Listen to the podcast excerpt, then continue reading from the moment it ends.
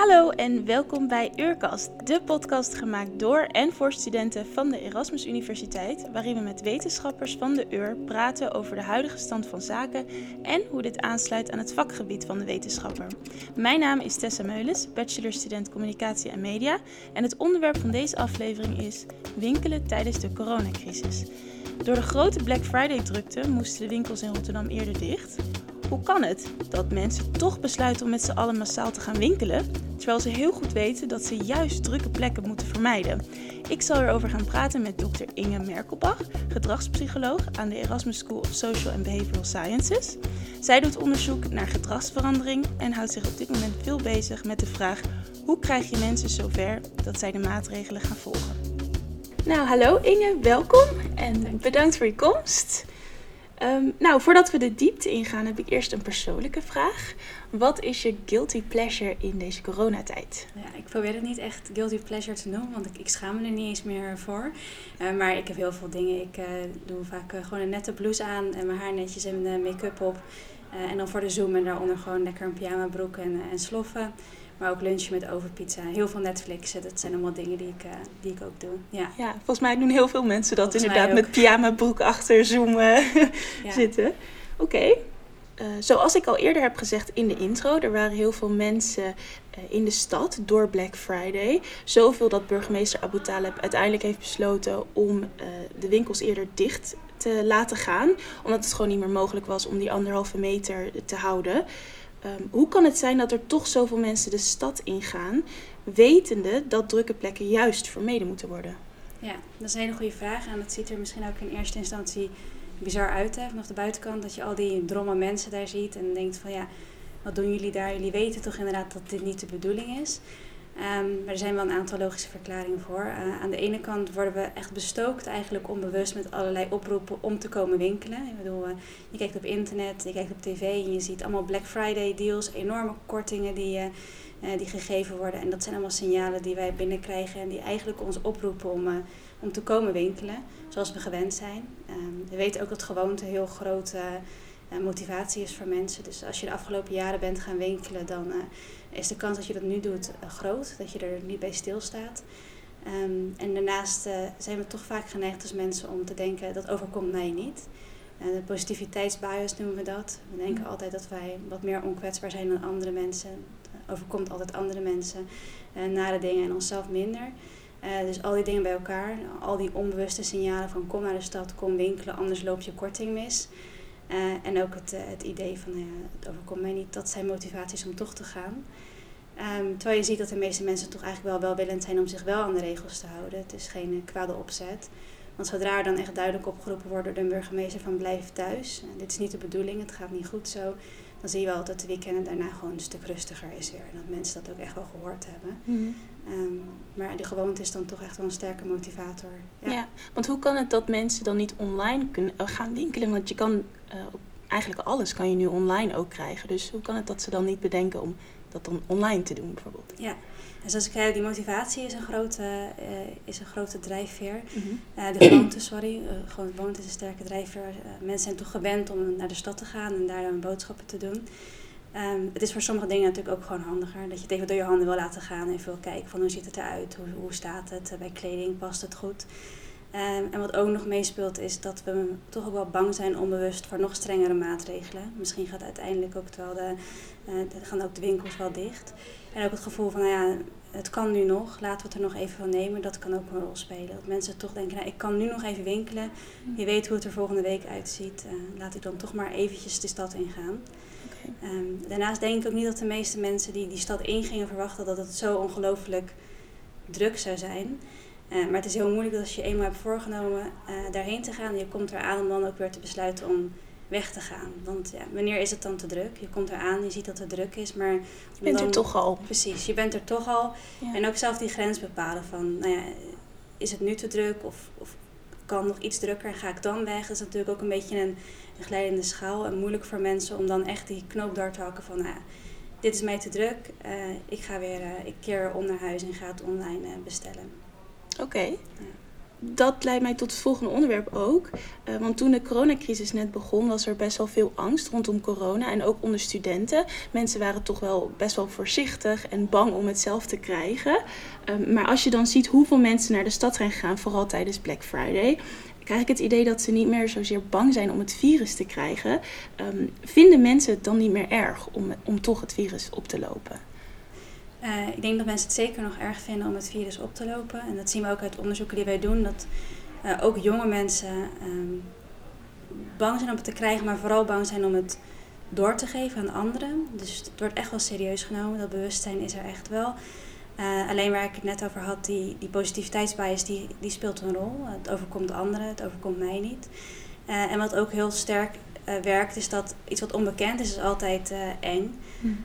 waar, waarvan je nog niks weet. En aan het begin wisten we natuurlijk heel weinig. Het was eigenlijk echt een virus dat ons allemaal overviel. Mm. En wat de lange termijn effecten zouden zijn. En wat het precies met je lichaam deed. wie kwetsbaar was.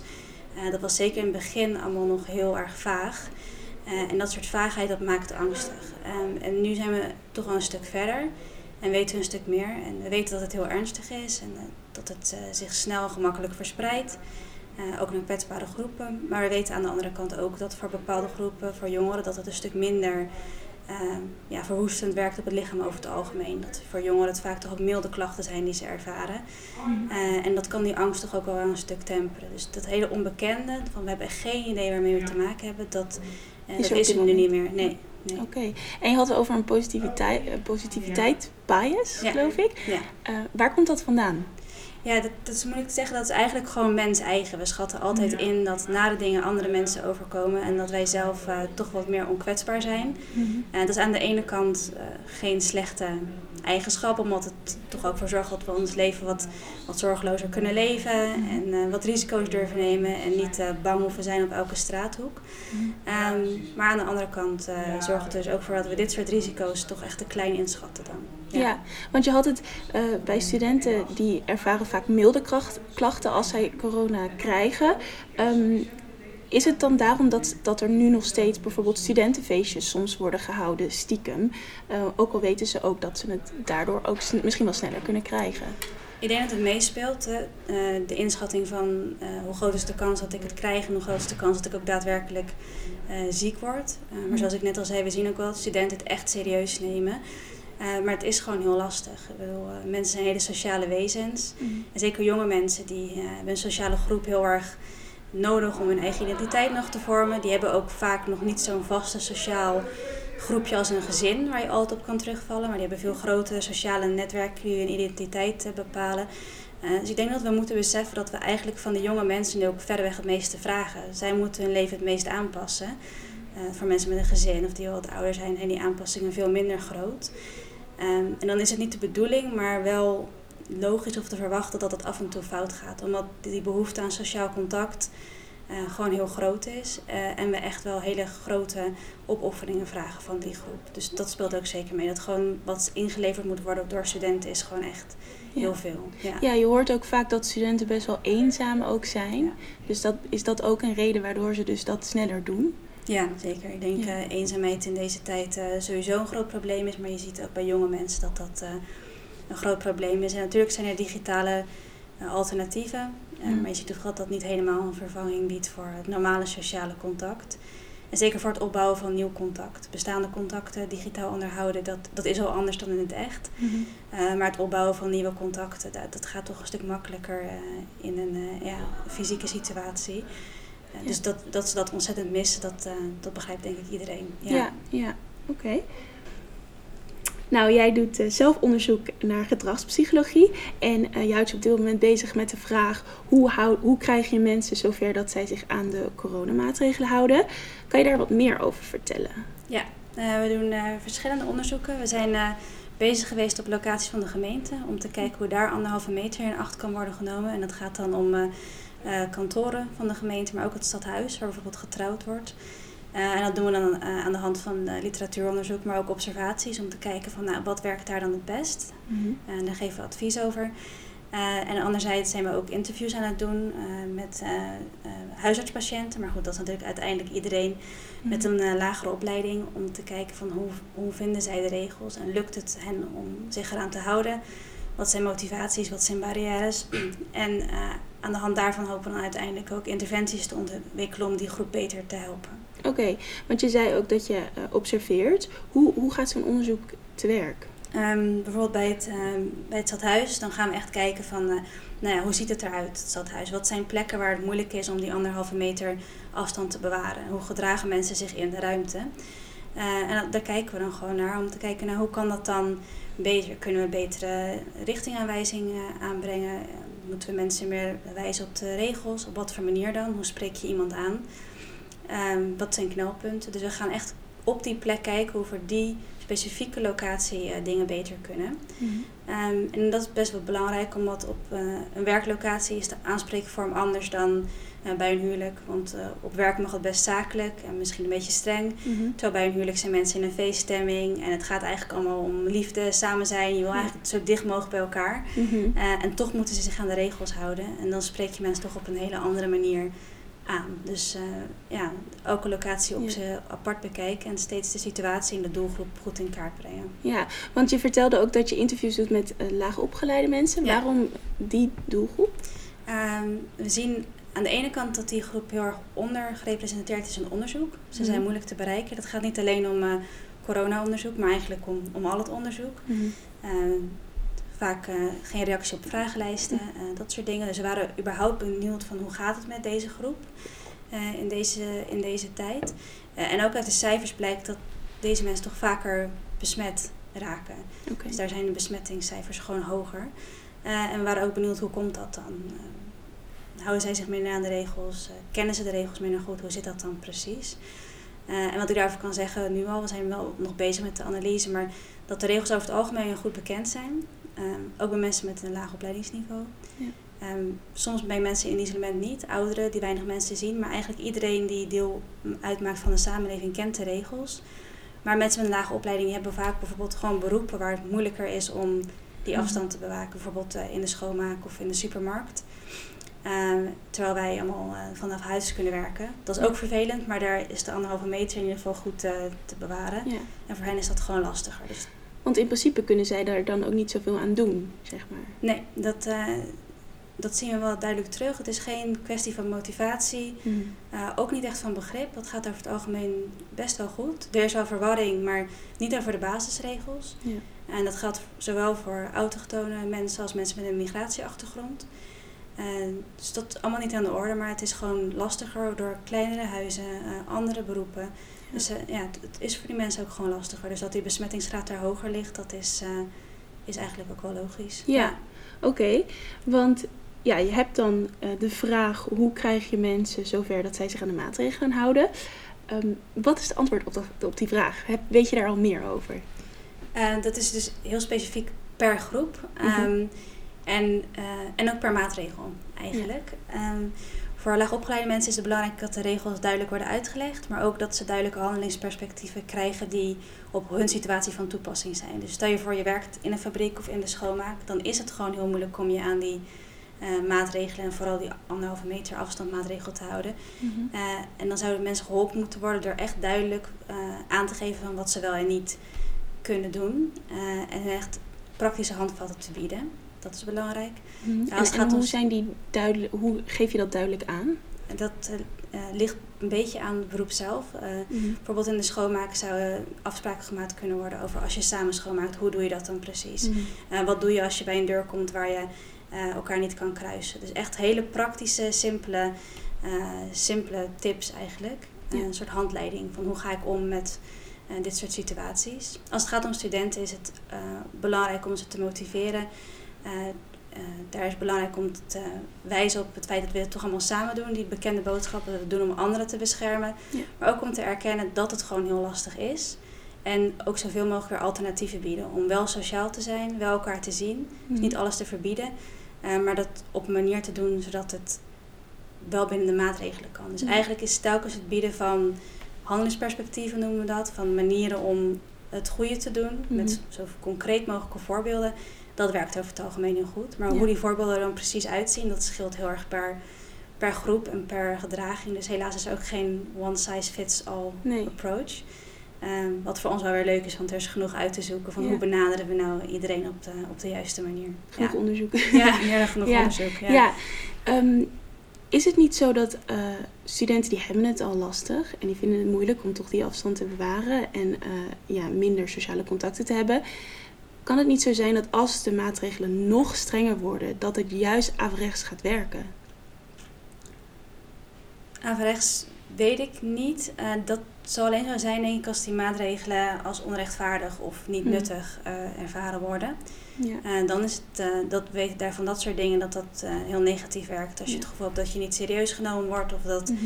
eh, de maatregelen niet werken, niet belangrijk zijn, dan zal het averechts gaan werken. Maar zodra studenten goed worden meegenomen, of jongeren in het algemeen, in waarom bepaalde maatregelen genomen worden, wat, welk bes- beslisproces daarachter zit. En ook telkens echt wel duidelijk te horen krijgen van we weten dat dit heel moeilijk is, Mhm. dan denk ik dat die motivatie er wel blijft. Eh, maar dat we wel moeten helpen, zoveel mogelijk. eh, als wetenschappers, maar ook als beleidsmakers. eh, om zoveel mogelijk wel mogelijk te maken. En dat ook samen te doen met studenten. Want praten heel veel over studenten, maar ik denk dat we ook moeten praten met studenten. Ja, Van wat, wat vind jij nou lastig op dit moment? Waar loop je tegenaan? Dat zal ongetwijfeld een hele hoop zijn. Eh, en waar heb je hulp bij nodig? Dat we zo samen naar oplossingen kunnen, kunnen zoeken. ja. Want ik denk dat we moeten uitkijken met, met het vingertje wijzen van jullie doen het allemaal fout. Want zoals ik zei, heel veel mensen doen eh, heel veel hun best. Ja. En het is gewoon heel lastig. Dus dat we moeten met elkaar zoveel mogelijk naar oplossingen zoeken om zoveel mogelijk wel door te laten gaan. Ja. Oké. Ja, veel studentenverenigingen die hebben ook allerlei dingen bedacht om studenten meer bewust te maken van de maatregelen. Ehm, er is bijvoorbeeld een campagne opgezet, daar doen we het voor campagne. En de gemeente Rotterdam heeft samen met studenten een campagnevideo gemaakt waarin studenten ook het belang van de maatregelen vertellen. Wat vind je van deze campagnes en eh, werken ze? Eh, allereerst heel goed en heel fijn om te zien dat eh, studenten dus zo betrokken zijn. Eh, en ja, ik denk zeker dat ze werken. Mm. Eh, elke keer dat we eraan herinnerd worden, dat, is, dat helpt toch weer een beetje. Zoals ik zei, mensen die gedragen zich vaak heel automatisch zonder erover na te denken. En een reminder, dat helpt dan toch weer eventjes om het weer even op, te, roepen ja, dat het toch belangrijk is. Eh, zeker ook als studenten elkaar aanspreken. Dus als je aangesproken wordt door iemand die op jou lijkt en eh, waarmee je je kan identificeren, dat helpt ook beter dan iemand, eh, een van de hoge pief van de gemeente waar je niks aan hebt, die je dan aanspreekt. Dus ik denk zeker dat het helpt. Ehm, dat het geen wondermiddel is en dat het nog steeds lastig is, is logisch. Maar dat zijn echt wel dingen die zeker zin hebben. Dus ook veel complimenten voor studentenverenigingen dat ze daar zoveel moeite in hebben gestoken. Ja, Ja, Dus eigenlijk is het wel heel goed dat studenten dat voor studenten doen. Zeker, ja. Mhm. Want we worden het meeste aangesproken door mensen ja, die op ons lijken, waar we mee, eh, ons mee kunnen identificeren. En mensen tegen wie we opkijken, maar mensen die, ja, mensen zoals jij en ik, zeg maar, Mhm. ja, die net zo zijn als ik, eh, zoals wij, Mhm. daar, daar laat je door, door aanspreken. En eh, als die het belangrijk vinden, dan zal het ook wel belangrijk zijn. Ja. Dus heel goed dat ze dat doen, ja, Ja, absoluut. Ja. Oké. Ehm, nou, ik hoor toch studenten eh, zeggen dat zij vaak langs een poster lopen. Je hebt heel veel posters waarin alle, waarop alle maatregelen staan. Ehm, maar op een gegeven moment heb je dat ook wel gezien eh, na de zoveelste poster. Wat helpt dan het beste voor studenten? Ja, heel logisch dat je op een gegeven moment die posters niet meer echt ziet. Hè? Want het is eh, sowieso een gigantische ja, overkill, zou je het kunnen noemen. Maar overal posters. En wat ik daar wel bij moet zeggen is dat je misschien denkt dat je er langs loopt en het niet ziet. Maar onbewust krijgen we toch wel een hoop mee hoor. Dus ook al let je er bewust niet echt meer op, grote kans dat je in je gedrag toch een beetje gestuurd wordt. Oké. Ehm, wat kan helpen is eh, veranderen van die posters. Elke keer weer iets nieuws, een nieuwe slogan, een nieuw opvallend uiterlijk. Iets wat aanspreekt, waar je getriggerd door wordt. Eh, dus niet honderd keer dezelfde poster, maar na een tijdje weer wisselen. Eh, en we moeten het ook niet alleen hebben van posters. We moeten het ook hebben van, eh, van eh, die interactie. Dus laat mensen meedenken. Schrijf een prijsvraag uit. verzin met z'n allen een interventie. Of richt een plek in waar samenkomen op afstand wel mogelijk is. Dus niet alleen maar zenden Mhm. door middel van die posters, wat wel belangrijk is hoor, maar ook de interactie aangaan, ook Mhm. luisteren. dus dat, dat is denk ik de way to go, een combinatie van die dingen. Want is het dan zo dat mensen, wat je vertelde, eigenlijk langs een poster lopen, maar onbewust dat het toch binnenkomt? Ja. Bedoelde je dat? Ja, Oké. Het is, ja. eh, je leest hem misschien de eerste keer aandachtig, die poster, van wat staat erop. Eh en de tweede keer kijk je eroverheen en de derde keer zie je hem voor je gevoel eh, al niet meer. Mhm. Ehm, maar als je constant al die maatregelen toch binnenkrijgt door middel van die stickers die weer op de in de lift en op de grond zien. Ergens registreer je dat toch en stuurt dat je gedrag toch onbewust ook. Ja. dus het heeft zeker wel zin. Ook al heb je zelf het idee van ik zie het niet meer uh, grote kans dat je gedrag er toch een beetje door, uh, doorgestuurd wordt. Oké, ja. ja. En uh, dus wees creatief. Ja. is een nieuwe poster. ja, oké. Zeker. Ander kleurtje, ander design, andere boodschap. Ja. Toch opvallend blijft. Ja. Oké. Nou Inge, ontzettend bedankt dat je hier kon zijn vandaag. En ook voor het interessante gesprek. Um, en voor de podcastluisteraars, tot de volgende keer op de Urkast.